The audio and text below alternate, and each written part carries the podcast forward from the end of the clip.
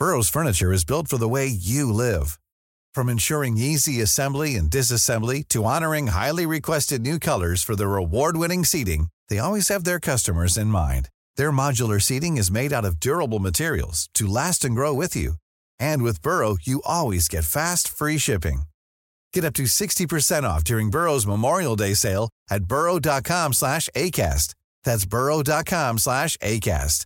burrow.com slash ACAST.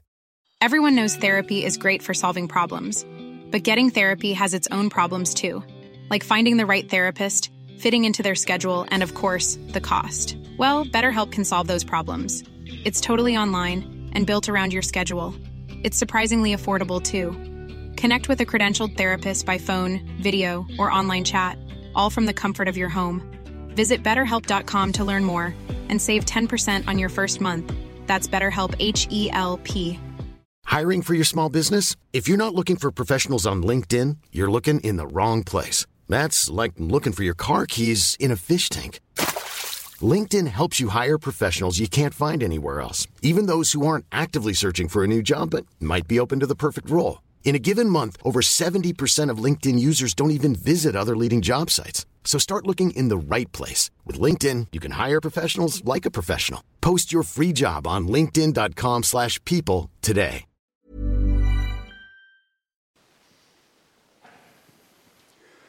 Generaler, admiraler, medlemmer, gjester. Hver og en varmt velkommen til nok et klubbmøte i eh, Oslo Militære Samfunn.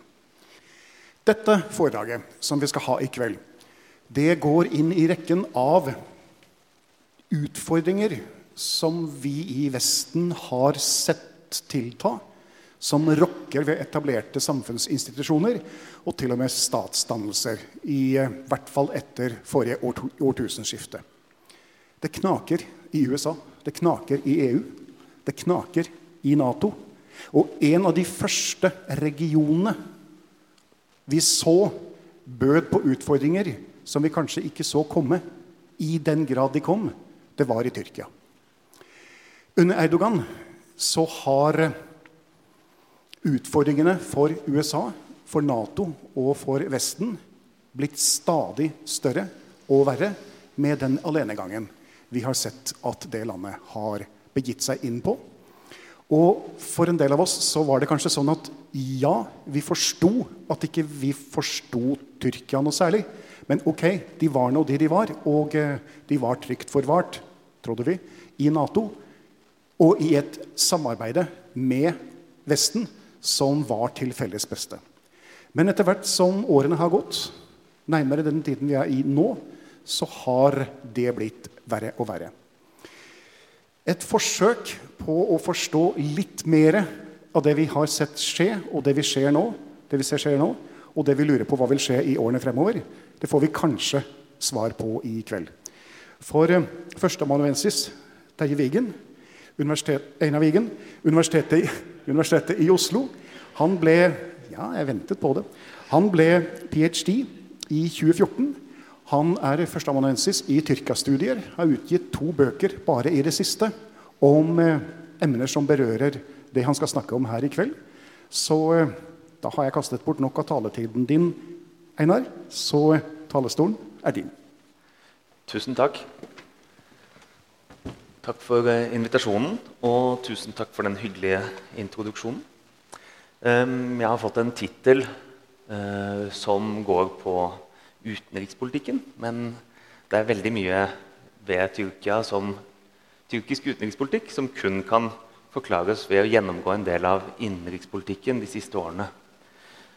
Um,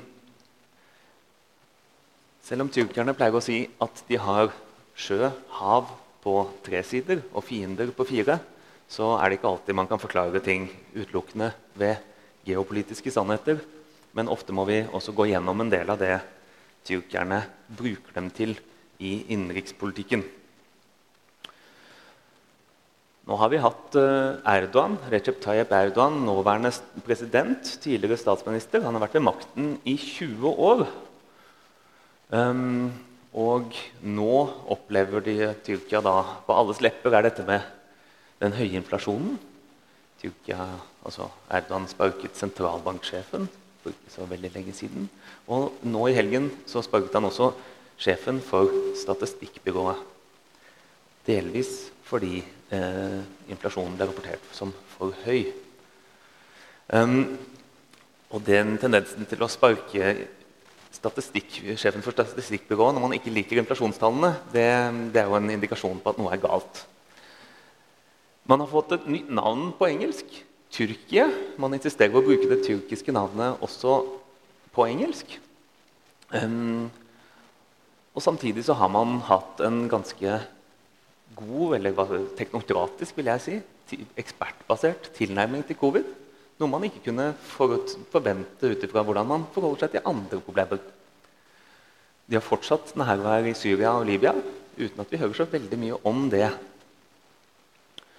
De har hatt en stor støtte til Aserbajdsjan i krigen mot Armenia.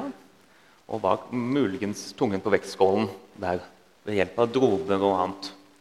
De selger nå droner til Ukraina, som det nok sto om i Aftenposten i dag. Er det, er det, for høyt? Jeg vet ikke hvordan man gjør det. Er det Den er ikke god. Har du Nærmere munnen?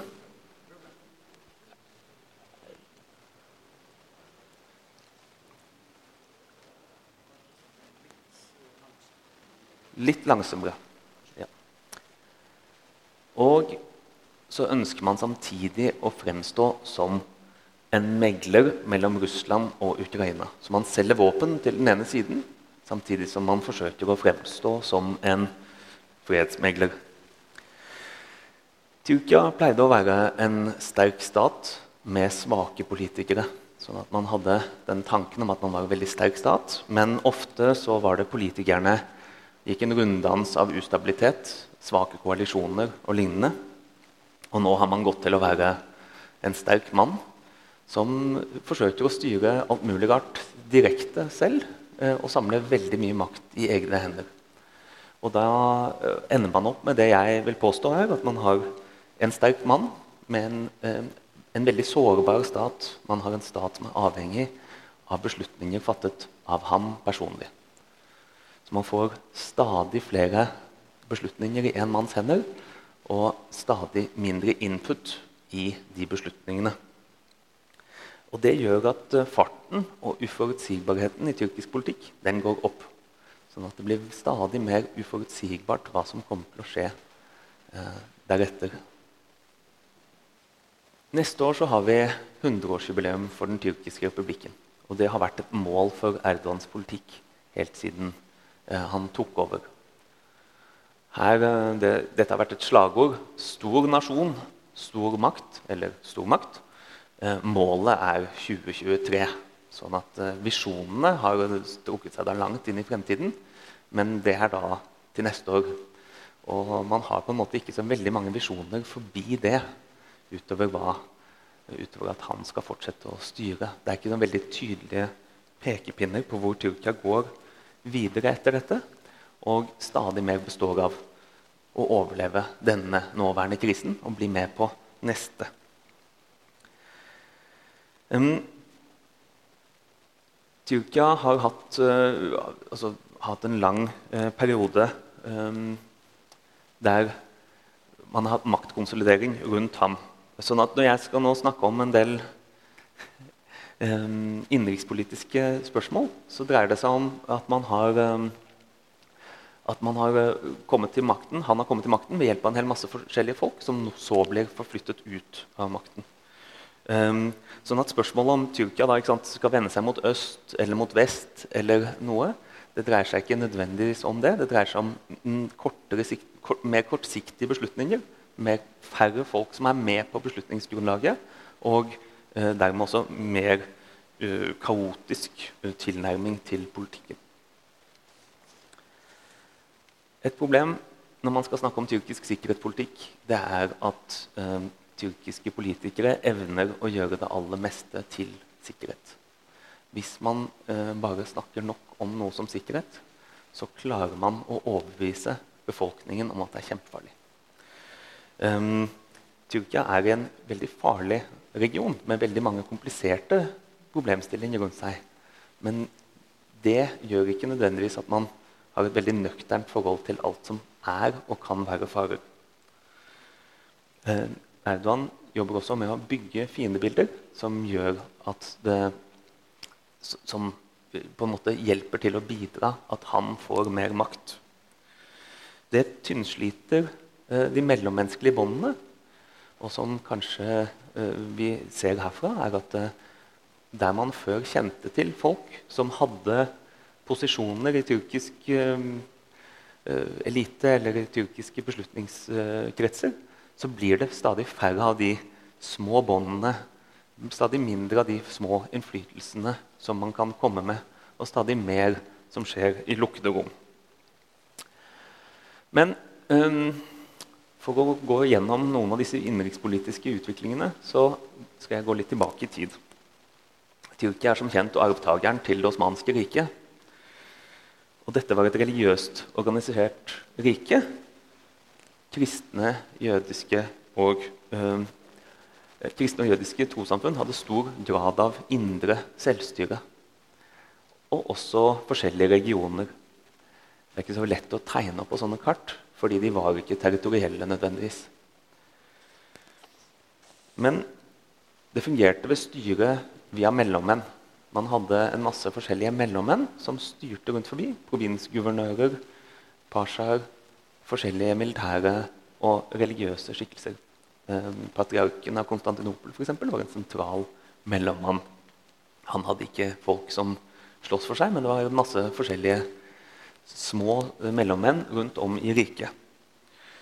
I konkurranse med andre imperier, og da særlig med eh, Russland, nå tør ikke jeg klikke på denne for å finne ut hvordan man peker, men dere vet hvor Russland er. Så i konkurranse med andre imperier, særlig habsburgerne og eh, Russland, så begynte man med en sentraliseringspolitikk for å mobilisere mer ressurser. Man måtte plassere større og større eh, infanteriherrer på, eh, på, slagmarken, og det krevde stadig mer skattegrunnlag. Og For å gjøre det så så slo man ut disse mellommennene og begynte å styre direkte. Dette likte jo selvsagt ikke eh, mellommennene i periferiene. Og man hadde en masse opprør. Disse opprørene klarte man i stor grad å slå ned, bortsett fra der mellommannen, den man styrte gjennom, fikk en patron, en, en støttespiller utenfra. F.eks. Storbritannia, Russland eller Frankrike. Og da lyktes de veldig ofte med å etablere sine egne små selvstyreenheter og senere land. Um, sånn at denne tilsidesettelsen av mellommenn den blir veldig ofte da dyttet tilbake ved hjelp av um, stormaktshjelp. Så um, etter hvert som de uh, mistet store territorier så, de også, eh, så begynte de også å motta store flyktningstrømmer. Eh, dette kartet her er eh, indikativt for strømmene, selv om tallene er veldig politisert, veldig problematiske. Sånn at det overvurderer den mengden muslimer som blir forflyttet. Er det mulig å få det litt lavere? Er, det, er jeg veldig høyt oppe? Mm? Han prøver, ja. ja. Um, sånn at for så er jo da alle armenerne her uh, utelatt. Uh, og man har flere, grekere, man har flere tyrkere enn en grekere.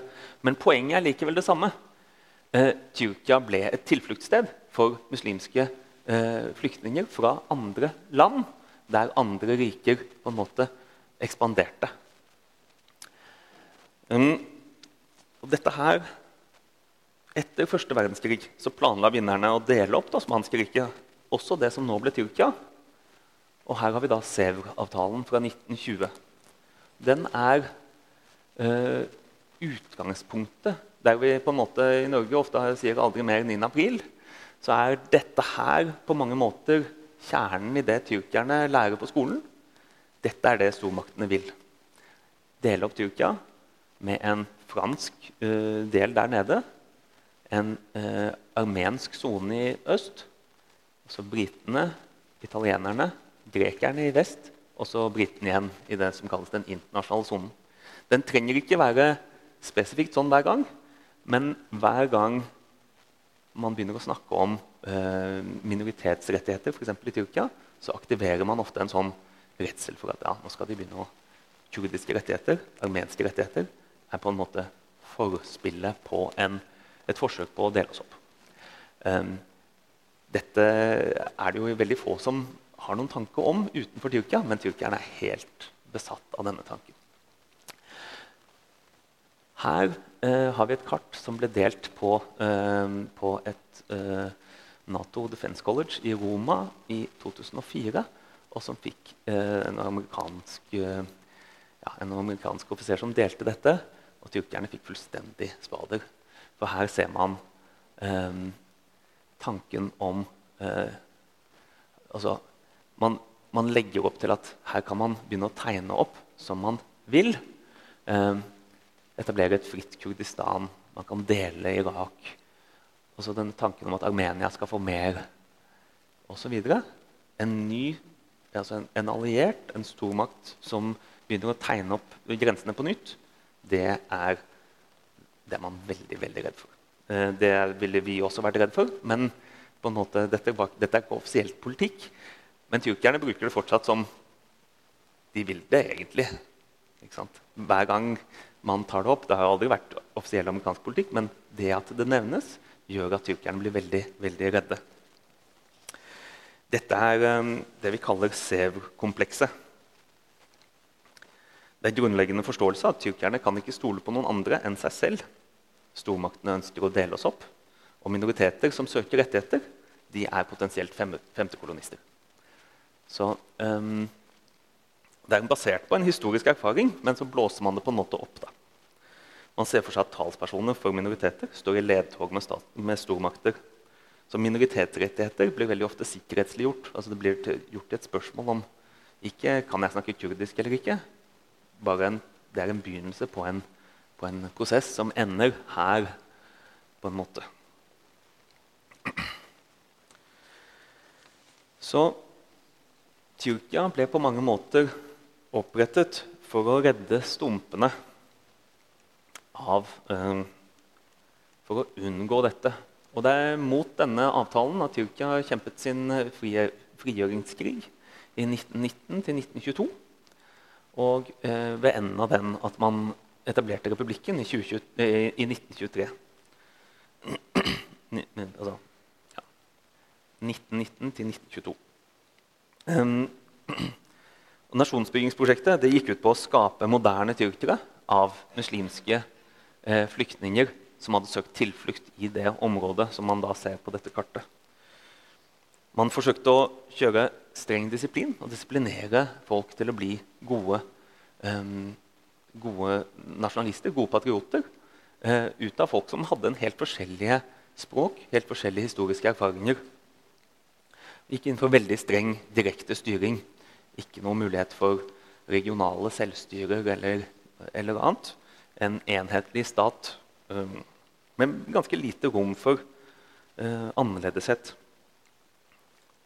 Sentral for dette prosjektet er da uh, Mustafa Kemal Atatürk. En, eh, ja, han var vel den største stjernen det tyrkiske militæret har hatt. Eh, og han eh, satte i gang vestliggjøringsprosjektet og sekulariseringsprosjektet. Han skulle få da ikke bare uh, altså direkte styre, men også da få religionen ut av politikken.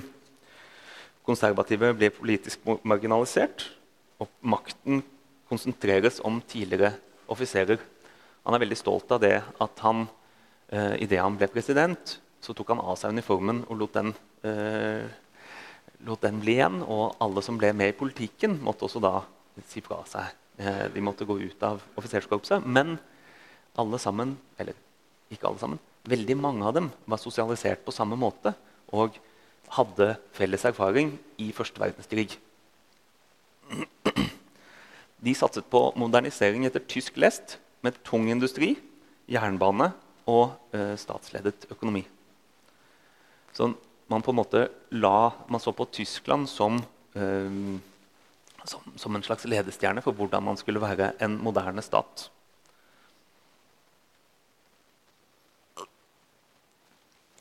Mustafa Kemal han, eh, Atatürk dør i 1938, eh, og hans følgesvenn Ismet Inenu overtar.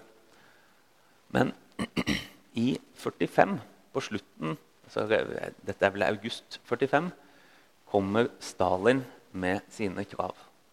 Um, han ønsker uh, demilitarisering av um, han, han, ønsker da å ha baser i forbindelse med disse, uh, disse stredene.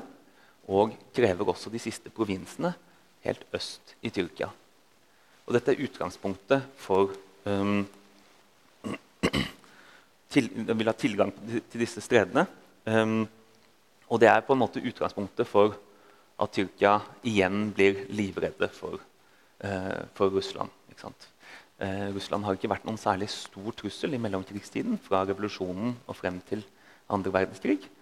Uh, har vært opptatt andre steder. Tyrkia har også vært opptatt andre steder. Men den gamle redselen for russisk fremmarsj den kommer tilbake igjen og er på mange måter utgangspunktet for at Tyrkia ser veldig sterkt til Vesten. Um, og man har en tanke om at uh, kun sterke stater kan overleve i Tyrkias geografi. Så man har en veldig sånn sterk geografitankegang rundt uh, hvorfor man må ha en sterk stat, hvorfor man må ha et stort militære. Og det handler om, uh, det handler om stredene, men det handler også om at man, man, ser for seg at Tyrkias geografiske posisjon er så unik at alle andre vil ha den. Derav også SEV-avtalen.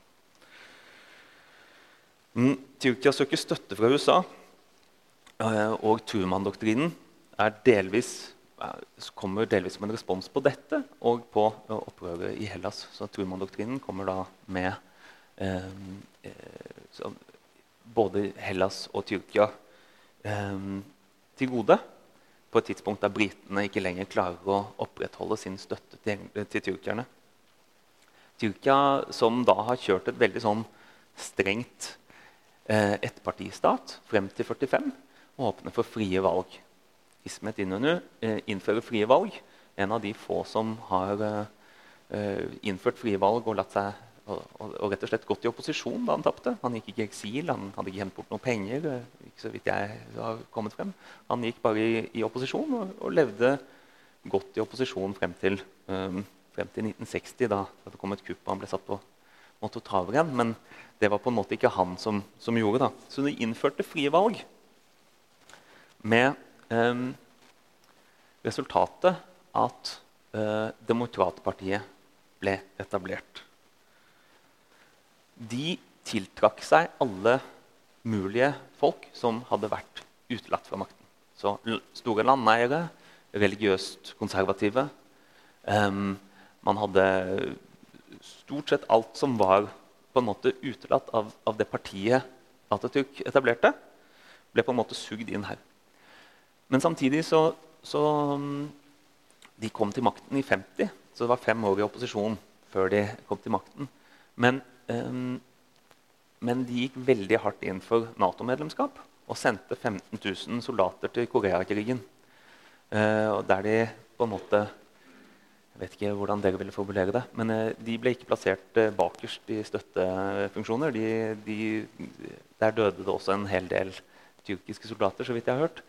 Og det gjorde på en måte at Tyrkia klarte å vise overfor USA at de mente alvor med at de ønsket Nato-medlemskap, og at de ønsket å være del av det fellesskapet. Amerikanerne eh, kom inn med veldig mye hjelp til eh, Tyrkia gjennom 50-tallet. Og man knyttet ganske tette bånd. Jeg snakket innledningsvis om hvordan disse båndene nå er i ferd med å, å, bli, å ryke. Det er ikke nødvendigvis det at uh, vi mister våre tyrkiske venner en etter en, men rett og slett at de man kjenner i Tyrkia, ikke nødvendigvis har så mye innflytelse som de en gang hadde.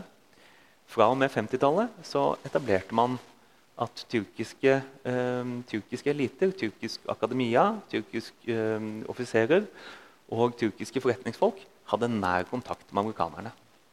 Jeg vet ikke hvilken erfaring dere har, men denne her, at man, man møter på tyrkere fra, med en eller annen elitefunksjon i en rekke forskjellige sammenhenger. I eh, 52, eh, samtidig med at eh, Tyskland får lov til å bevæpne seg igjen, så får Tyrkia bli Nato-medlem. Og de får enorm støtte av USA. Og man går på en måte bort fra denne tanken om tysk modernisering. Man går over på en amerikansk modernisering. Det er cash crops, og det er veier og det er biler. Og mye lettere industri. Man har jo ikke den samme statsstyrte industri, industrialiseringen man en gang hadde. Og tette um, Burrow is a furniture company known for timeless design and thoughtful construction, and free shipping, and that extends to their outdoor collection. Their outdoor furniture is built to withstand the elements, featuring rust-proof stainless steel hardware, weather-ready teak, and quick-dry foam cushions. For Memorial Day, get 15% off your Burrow purchase at burrow.com slash ACAST and up to 25% off outdoor. That's up to 25% off outdoor furniture at burrow.com slash ACAST. Everyone knows therapy is great for solving problems, but getting therapy has its own problems too, like finding the right therapist, fitting into their schedule, and of course, the cost. Well, BetterHelp can solve those problems. It's totally online and built around your schedule. It's surprisingly affordable too. Connect with a credentialed therapist by phone, video, or online chat, all from the comfort of your home. Visit betterhelp.com to learn more and save 10% on your first month. That's BetterHelp, H E L P. Disse tette båndene eh, gjør at Tyrkia blir integrert på en helt annen måte med Vesten. En mannen som styrte dette partiet, eller han het Adnan Menderes. og Han hadde en helt annen type bakgrunn enn Erdogan i dag, men han fikk den samme formen for eh, personkultus rundt seg. Folk så på ham som en slags redningsfigur mot eh, dette, denne ettpartistaten som man hadde hatt før.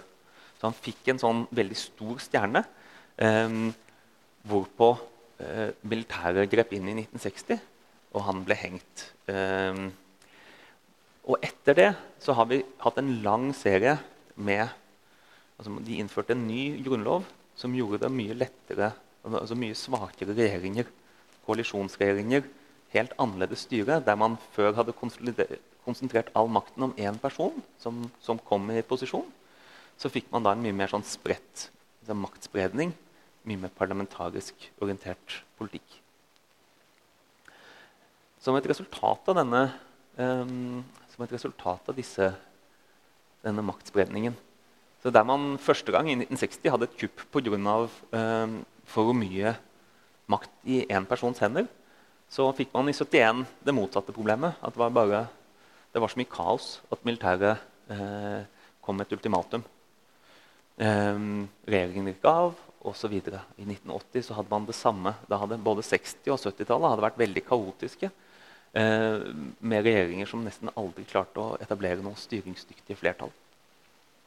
I 1980 går man tilbake til en sånn eh, altså Etter 80-kuppet, 83, eh, får, man, eh, får, man, mye mer maktkonsentrasjon igjen. Så det er en sånn styring der én person man, man, lager en grunnlov som, som, skal gi mest til eh, gi mest mulig makt til et styringsdyktig alternativ. Da, for å si det på den måten.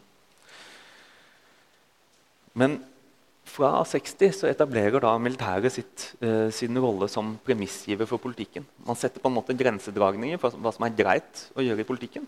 Og man setter opp eh, visse linjer som eh, politikerne ikke får lov til å gå over. Um, og det går enda litt lenger i 1980. De definerer rommet for legitim politikk. Og i 1982 så får man en um, sperregrense på 10% denne Sperregrensen er ikke som i Norge med fordelingsmandater. men rett og slett at Får man ikke over 10% så kommer man ikke inn i parlamentet. Og alle uh, ens representanter blir fordelt blant de andre. Det var aldri uttalt, men målet med dette ser ut til å ha vært at man uh, ville holde kommunister, islamister og kurdere ute av styr og stell. Eh, hvilket jo eh, ga en ganske mye mening i 83, gitt de tingene tyrkerne var mest redd for. Um, så her ser vi også da Jeg har med tre eh, mindre La oss si Disse 60 og 80 er jo ordentlige kupp med tanks i gatene. Eh, 71 er et ultimatum. Men eh, 97 hadde de også et militært ultimatum. Og i to 2007 så hadde de et ultimatum til som ingen etterfulgte. Så har dere 2016, som vi vel alle sammen husker. Da det var et mislykket kuppforsøk, men med, helt andre, eh, med en helt annen logikk. Det kan vi komme tilbake til hvis noen er interessert i, i pausen. Så um, Med den kalde krigens slutt så tenker vi ofte på uh, fred og fordragelighet i store deler av verden. Um, for Tyrkias del så betydde jo det at, uh, at uh, faren fra Sovjet var jo da borte, men forankringen i Nato var ikke like tydelig. Man hadde store muligheter for utstrakt handel og samarbeid med tyrkisktalende folk i eh, Sentral-Asia og muligheter i Midtøsten. Men man hadde også stor, et stort problem med eh, PKKs opprør i Sørøst-Tyrkia. Store eh, terrorangrep og en regelrett geriljavirksomhet. Sånn at um, for, for, tyrkerne så er 90-tallet en ny sånn periode med ustabilitet. Så det huskes som det. Med store sikkerhetsutfordringer og en sammenblanding av sikkerhetstjenester og kriminelle. I hvert fall er det den generelle inntrykket tyrkerne har. Problemet er jo selvsagt å bevise det, så det er ikke så lett å vite hvor fakta og fiksjon eh, blandes inn i hverandre. Men den tanken om 90-tallet som et sånt tiår hvor vi ikke helt klarte å holde eh, kontroll på det hele, det er, det er, veldig forsterket i tyrkisk politikk. Mm. PKK, som vi ser trene her eh, nede, um, de um, ja, så ser vi dem marsjere, men de var støttet av uh, Hafez al-Assad i Syria. Uh, og hadde sine baser, delvis også trening, i, uh, i Libanon. Um, og der er vi igjen inne på denne redselen for små grupper innad i Tyrkia som blir støttet av noen utenfor, og som da utgjør en trussel fordi de kombinerer denne inne-ute-logikken. Uh, men gjennom 90-tallet, til tross for at man hadde denne uh, konstitusjonen som skulle gi styringsdyktige flertall, så hadde man en politisk krise, en politisk vanskelig for å få styringsdyktige flertall. Og I 1990 så fikk vi da eh, en politisk krise som så ble påfulgt av en finanskrise. Eh, hvor eh, rekorden var 7500% rente over natten. Eh, inflasjonen gikk i taket, liraen ble devaluert, og masse folk mistet sparepengene sine. Det var en fragmentering i en masse småpartier igjen. Men i, um, i, som dere ser her, i 97 så var det et militært ultimatum. Det var da, for, da ble islamistpartiet forbudt. Så de var ute av hele spillet fra 97-98 frem til denne krisen i 2000-2001. Mens de andre partiene var uh, da sto alle sammen del av vekslende uh, koalisjonsregjeringer. Det gjorde det mulig for uh, pressen, og også med, kanskje med rette, si at AKP, som ble etablert i 2001, og som var ute av styre og stell da krisen kom, de var ikke svertet av dette i det hele tatt. De kom med en rekke forskjellige løfter. Eh, og presenterte seg selv som et styringsdyktig alternativ med stabilitet sosialt konservative, men økonomisk liberale. De var for privatisering av en masse tjenester. Um, og de er etterfølgere til det islamistpartiet som ble forbudt i 1998. Men den, den, evnen de hadde til å si vi representerer demokrati fordi de hadde blitt, uh, de hadde blitt uh, satt i fengsel for sin, uh, for sin, politiske posisjon. Og vi er ikke økonomisk uansvarlige, som de andre hadde vist i 1990. Det gjorde det mulig for dem å på en måte komme ut av begge de to retoriske problemene. Og de leverte ganske god økonomisk, uh, politisk stabilitet og økonomisk vekst ut gjennom fra 2002 eh, frem til ja, kanskje 2014. Og delvis også fremover etter det.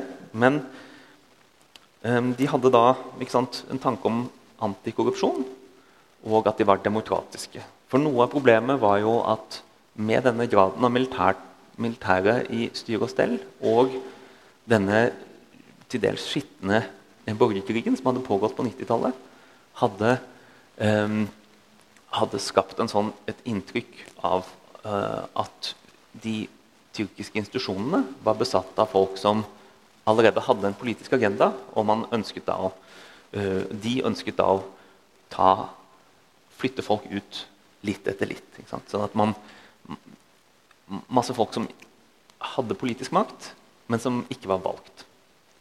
Uh, dette brukte man som brekkstang. Altså, man brukte, um, brukte det til, for det det var verdt. Men litt av problemet er jo da at uh, etter hvert så blir alle uavhengige institusjoner, fra domstoler til kringkastingsråd og alt sammen, blir fulgt av lojalister. Stadig flere lojalister.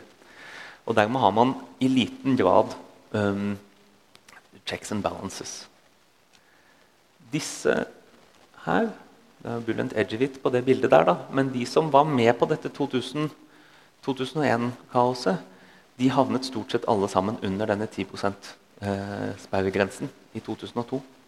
Så der man hadde en, um, en uh, konstitusjon som var ment å skape styringsdyktig flertall bestående av partier man likte, så endte man opp med en tilnærmet um, en, en, regjering av en, uh, bestående av folk man ikke likte, eh, uten en fungerende opposisjon. Så man hadde på en måte det problemet. Um, og så var de veldig sterkt for EU. Dette var en uh, fase da EU ekspanderte stort. Og løftet om tyrkisk EU-medlemskap var mulig å bruke i tyrkisk politikk. En annen side ved det var at Tyrkia hadde hatt mye problemer med sin, sitt nabolag, så man innførte noe som het 'null problemer med naboer'-politikken. Man skulle ikke ha lenger noen problemer med naboer. Og eh, den tyrkiske utenriksministeren han gikk rundt og lagde fredsavtale med, samarbeidsavtale med Syria. Man forsøkte å få til fred, eller åpne grensen med Armenia. Man forsøkte å ha fred og forsoning med Hellas. Eh, for å bygge ned konfliktnivået. Um, og man hadde fredssamtaler med PKK. Ved å gjøre dette det var også, Selvsagt har det noe for seg i seg selv, men fordelen for dem, baksiden for, for andre, var at uh, jo mindre trusselsituasjon man har, jo mindre, det, mindre rolle er det for militæret. Så man så for seg at militæret var det farligste trusselen for dem. Uh, og som vi er tilbake igjen her, så var det også et ultimatum i 2007 der um, Joint, Chief, Joint, Chiefs of Staff kom med et ultimatum uh, som gjaldt da presidentutnevnelsen. Uh, så i denne perioden her så ser man på uh, altså, Trusselen fra Russland er reelt sett liten. Og AK-partiet ser på militæret som en større trussel for egen makt. Så man ser på en måte ikke Russland som noen stor trussel, men man er litt opptatt av um, stormakter som er opptatt av, uh, av minoritetsrettigheter. Så Samtidig så bygger man sentralitet i verden. Jeg vet ikke helt um, hvordan det skal forklares. Men denne store flyplassen virker jo som et galmannsverk ikke sant? Eh, til dels. Men enorm flyplass. Man har forsøkt å bygge opp Turkish Airlines som et av de eh, fly, jeg tror det er det flyselskapet som flyr til flest steder i verden. Og det, Poenget er at det skal være lett å dra til Istanbul og ha toppmøter der. Konferanser der, lett å komme på besøk der. Og dermed også være en node i et nettverk i verden. Sånn at man kan samarbeide med flere, er tanken. Men, øh, og det fungerte jo egentlig ganske bra også. Man hadde også øh, en rekke forskjellige medier på engelsk som forsøkte å, pushe denne Erdogan-linja øh, overfor journalister utenfor landet. Og som vi så ganske stor grad bli gjentatt utenfor Tyrkia. Man hadde et slags mer avklart forhold til omverdenen. Mm. Men én etter én, etter hvert som på en måte man fikk mer Erdogan fikk mer makt, så så han på en måte Så offiserskorpset var man alltid eh, veldig skeptisk til. Liberale var man også delvis skeptisk til, men hadde en allianse med. Og utgjorde da deler av velgermassen. Kurderne hadde man også faktisk støtte fra i begynnelsen. Særlig konservative kurdere som var ute etter sosialt konservativ politikk, ikke nødvendigvis autonomi. Folk som brydde seg om å kunne snakke kurdisk hjemme og kanskje også få kurdisk for barna sine på skolen, men ikke var interessert i et fritt Kurdistan eller noe sånt, de støttet i stor grad AK-partiet. EU øh, ble jo i stor grad en sånn slags punching bag mer enn en, en støttespiller innad i Tyrkia. Og så har vi dette problemet med USA. Um, det skal jeg komme tilbake til. Um, men det dreier seg delvis om denne at man ser for seg at USA er den naturlige beskytteren, eller den, den, som hele tiden begynner å snakke om den og den gruppens rettigheter, den og den gruppen som, som har autonomi. Gulen-nettverket det var jo de som sto sentralt i dette kuppet i 2016. Vi, hvis dere er interessert, så kan vi jo ta noe av det. Men det som de minnet i stor grad om um, om ja, Nå har jeg glemt hva han heter. Det er en um, tanken om å komme inn i posisjoner gjennom å la seg rekruttere inn i forskjellige domstoler, påtalemyndighet, alt styre og stell. At man skulle få flinke følgesvenner inn i sentrale posisjoner. Man skulle ikke ha noen revolusjon. eller noe sånt. Man skulle bare liksom komme opp gjennom dette, og til slutt så hadde man hånden om staten. Veldig flinke, smarte folk. Ofte tilsynelatende, i hvert fall. Hardtarbeidende, ærlige osv. Men hele tiden med en sånn litt usikkerhet om hvor de eh, hvor, hvor, de var i, i dette. Um, og jeg tror at de i stor grad har blitt um, blåst opp som en trussel større enn det de faktisk var. Men der er det også veldig vanskelig å vite hva var intensjonen egentlig, og i hvilken grad var det koordinert. Mm. Men etter hvert som alle disse da på en måte har, man har distansert seg fra dem, så, så blir det vanskelig også å få sitt syn akseptert i internasjonale fora. Det blir færre personer å formidle eh, tyrkiske posisjoner til, og det blir færre innflytelser på Erdogans beslutninger. Erdogan eh, Tyrkia har reelle trusler, det er ingen tvil om det. Det er mange som sant, PKK er en trussel. Det er mange som som har, uh, utgjør sikkerhetsrisiko for Tyrkia. Men dette med å hause opp alt mulig rart hele tiden, det uh, bruker Erdogan som et påskudd for å tilsidesette vanlige spilleregler. Og ved å si 'jeg er mannen som kan tilsidesette spillereglene', 'reglene gjelder ikke for meg', er en form for karisma. En stor, sterk mann som kan gjøre hva han vil, og få gjennomført ting til tross for eller kanskje ja, til tross for at folk sier at det, det lar seg ikke gjøre. Dette er umulig. Og det å sette seg selv over loven og være den som lager loven, snarere enn den som følger den, det er også da emblematisk for denne eh, Erdogan som sterk mann. Mm. Så ikke sant, Vi har da et, eh, et militære som var mye sterkere før. Og som man kanskje trenger igjen nå når Russland holder på som de gjør. Eh, begynner å bli da begynner å bli større behov for det. Men det er vel litt uklart hvor sterkt Tyrkias militære er for øyeblikket. De har en veldig rotete sikkerhetssituasjon fordi man har blåst opp farer rundt forbi. Man har blandet seg borti en rekke forskjellige konflikter som man ikke nødvendigvis ville gjort før. Og denne null problemet med nabopolitikken er jo en fullstendig fiasko. Det er jo ikke, det er jo problemet med de fleste naboene.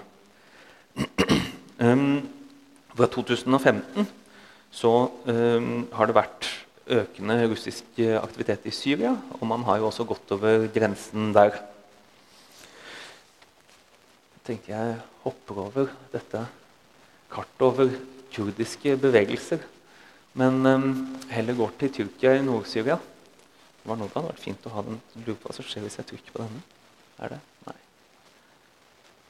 Nei, Denne pekeren her er ikke så lett å peke med. Men um, som dere ser, så er Tyrkia oppe der med de to grønne flekkene oppe ved Kilis. Det var en stund det var veldig lett å finne kart over hvor Tyrkia var i Nord-Syria. Nå måtte jeg gå gjennom ganske mye for å finne et oppdatert kart. Det var veldig lenge høyt oppe i alle mulige mediesammenhenger. Men nå var det rett og slett ja, veldig få kart igjen. De grønne punktene dere ser oppover der, eh, på østsiden av Idlib og nord der opp mot Afrin, det er da eh, observasjonsposter. Tyrkiske militære observasjonsposter. Og det Tyrkia jo er veldig redd for i denne sammenhengen, det er at USA og Vesten generelt har brukt kurdiske eh, enheter, grupper, for å slåss mot eh, IS. Man har gitt våpen og støtte på alle mulige måter for å bekjempe IS. Og det kan jo mange forstå. Eh, litt uavhengig av om man støtter kurdernes sak eller ikke.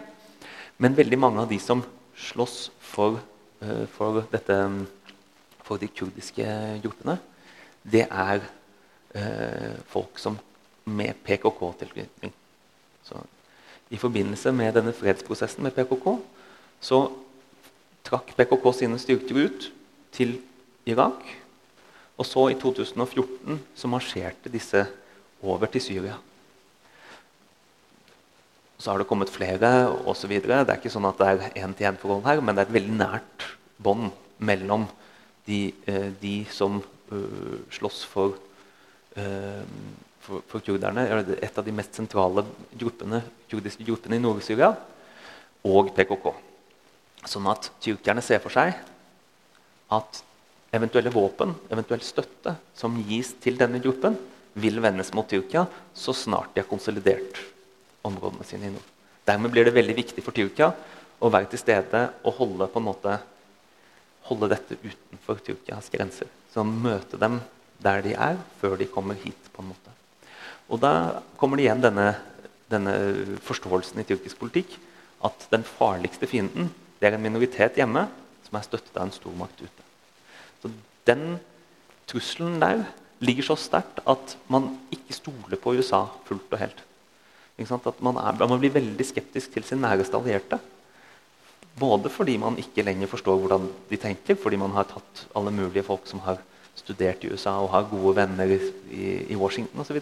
De er jo blitt tatt ut av maktposisjoner.